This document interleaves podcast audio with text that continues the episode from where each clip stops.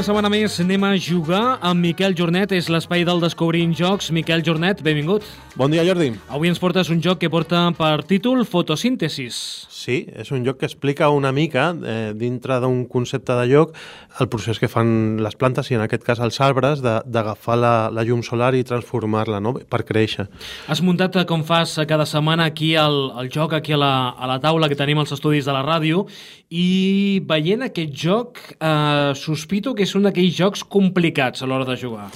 Complicat, complicat no és, és, és bastant familiar. El que passa que sí que té la, la complexitat aquesta, la profunditat, no? Arribar a dominar-ho és com uns escacs o com un go, i el lloc està força bé. La- eh, El que segur que t'ha cridat l'atenció és la tridimensionalitat no? dels arbres que pugen cap a dalt. Doncs eh, fem la fitxa i després parlem d'aquest joc del fotosíntesis, joc de l'any 2017, per tant, doncs pràcticament una novetat. L'autor, És un autor que es diu Jalmar Hack. l'artista gràfica, És Sabrina Miramont, l'editor, una editorial que es diu Blue Orange Games, número de jugadors, de 2 a 4. està bé, jocs que es poden jugar dues persones, edat recomanable, Es pot jugar a partir de 8 anys, el temps de partida de 45 a 60 minuts, està prou bé, depèn de l'habilitat, suposo, no? de, i del número de jugadors també, sí, sí. A mecàniques del joc, És un joc que fa servir els famosos punts d'acció, no? que tu vas guanyant un, uns punts i els has de després gastar per fer diferents accions. És un joc també que té un caire econòmic i, com hem dit abans, és un joc eminentment abstracte.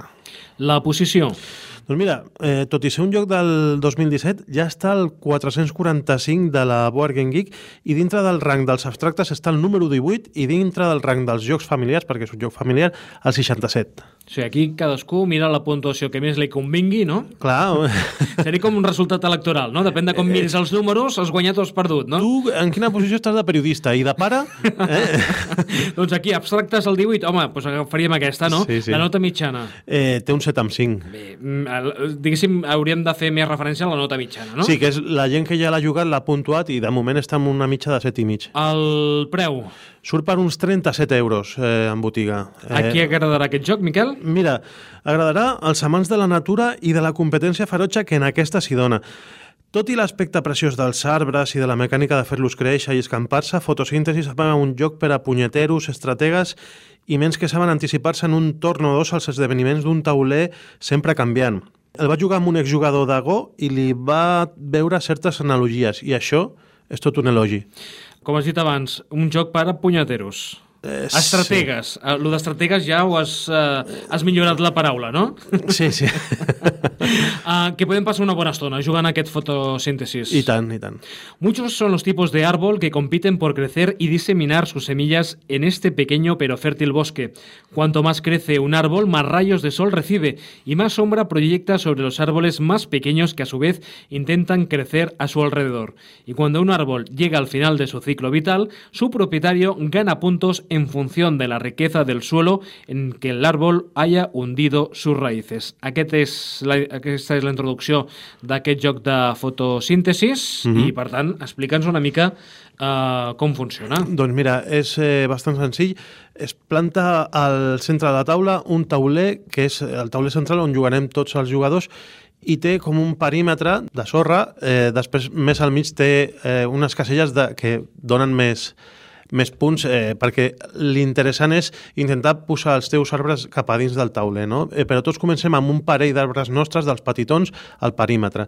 Després hi ha una peça que és eh, com una mena d'ales de papallona que s'obren i, i és, es posen, és, el tauler forma com un hexàgon i es posa a un vèrtex de l'hexàgon i representa el sol que està irradiant eh, a totes aquelles caselles que van cap allà, no? Aleshores, els nostres arbres, els inicials, ja capten una quantitat eh, inicial de, de sol i ens donarà uns punts de sol que marcarem a, a cada jugador té un tauler individual i els marquen en, a, els seus taulers individuals. Aquests taulers individuals tenen una quantitat limitada de 4 arbres petits, 3 mitjans i 2 grans i també tenen 4 llavors. Això és el que disposarem més endavant, perquè d'inici també tenim fora del tauler, que és el que podem eh, introduir directament ja dins del tauler, un arbre mitjà dos, i dos petits i dos llavors.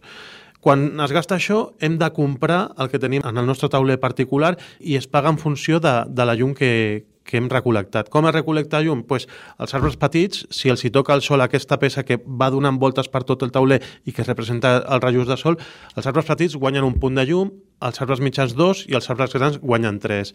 Clar, t'interessa anar plantant, anar a fer créixer, anar també plantant eh, les espores per després fer créixer més arbres i que captin la major quantitat de llum perquè aquesta quantitat de llum al final són com els diners que tu tindràs per poder fer accions o també per poder comprar material per poder seguir plantant.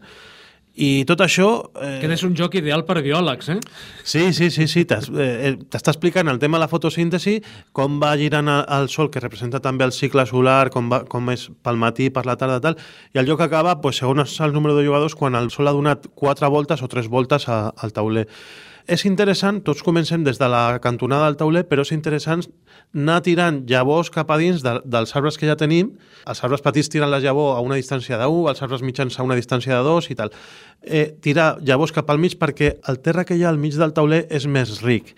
I què passa? Que quan tu tens un arbre gran i ja l'acabes transformant en punts, tens l'opció de, si el tens a la part de fora del tauler, les rajoles de punts que podràs aconseguir són de menys punts, per exemple, aquesta és de 13 i és de, de les que equival a la part de fora del tauler, que si recol·lecto l'arbre del vell mig del tauler, que ja tenim peces que donen 22 punts. Però clar, arribar al mig del tauler és una competència, ja deia, ferotge, perquè tothom voldrà anar cap allà perquè són més punts ja té el punyeterio que dèiem, o el puterio, que, que t'agrada també, és que els arbres projecten una ombra.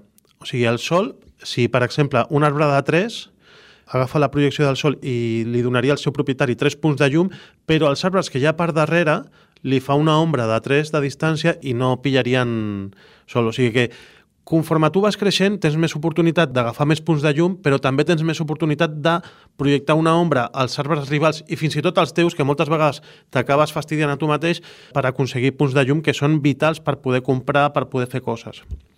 Doncs interessant aquest joc del fotosíntesis, joc que evidentment doncs, eh, jugarem, practicarem una miqueta, uh mhm. -huh. perquè està molt bé, no?, de que hi hagin aquests jocs que també són divulgatius. Sí, sí, i tant. I com veus, la producció és, és espectacular, el cartró diu que és 100% cartró reciclat, i eh, es nota que aquesta companyia, Blue Orange Games, va guanyar eh, l'any passat l'Espiel des Llares amb el joc King Domino que van portar aquí, perquè això dispara les vendes d'aquell joc. Que guanyi un joc al, a l'Espiel des Llares el millor joc de l'any de, del 2017, dispara les vendes, es, es comencen a produir i es ven moltíssim a Alemanya, es ven moltíssim als Estats Units i del King Domino han tret el muscle econòmic per poder fer una producció tan xula com aquesta, que tenim els truquels dels arbres així en tres dimensions, eh, eh, està tot bastant ben cuidat de, de materials i això, el que posa darrere de la capsa, que és un cartró de boscos 100% eh, reciclats, o sigui que...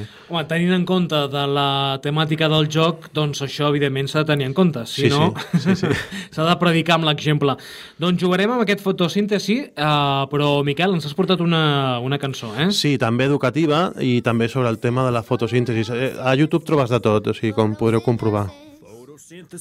Plants don't have a mouth like you and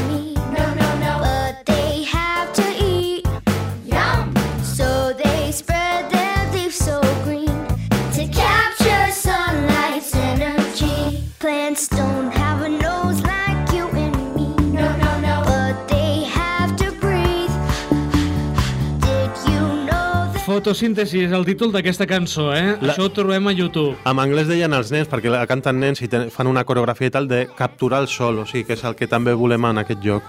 Com, com seria aquesta coreografia? Explica'ns-ho aquí a la ràdio.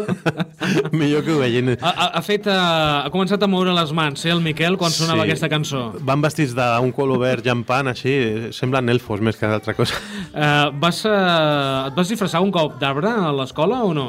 Eh, crec que és una de les coses que tinc pendent. Saps que la gent que diu plantar un arbre, pues, escriure un llibre i tal, pues jo tinc pendent disfressar-me d'arbre encara. Disfressar-te? Sí, sí. Això vol dir que has plantat un llibre? Eh...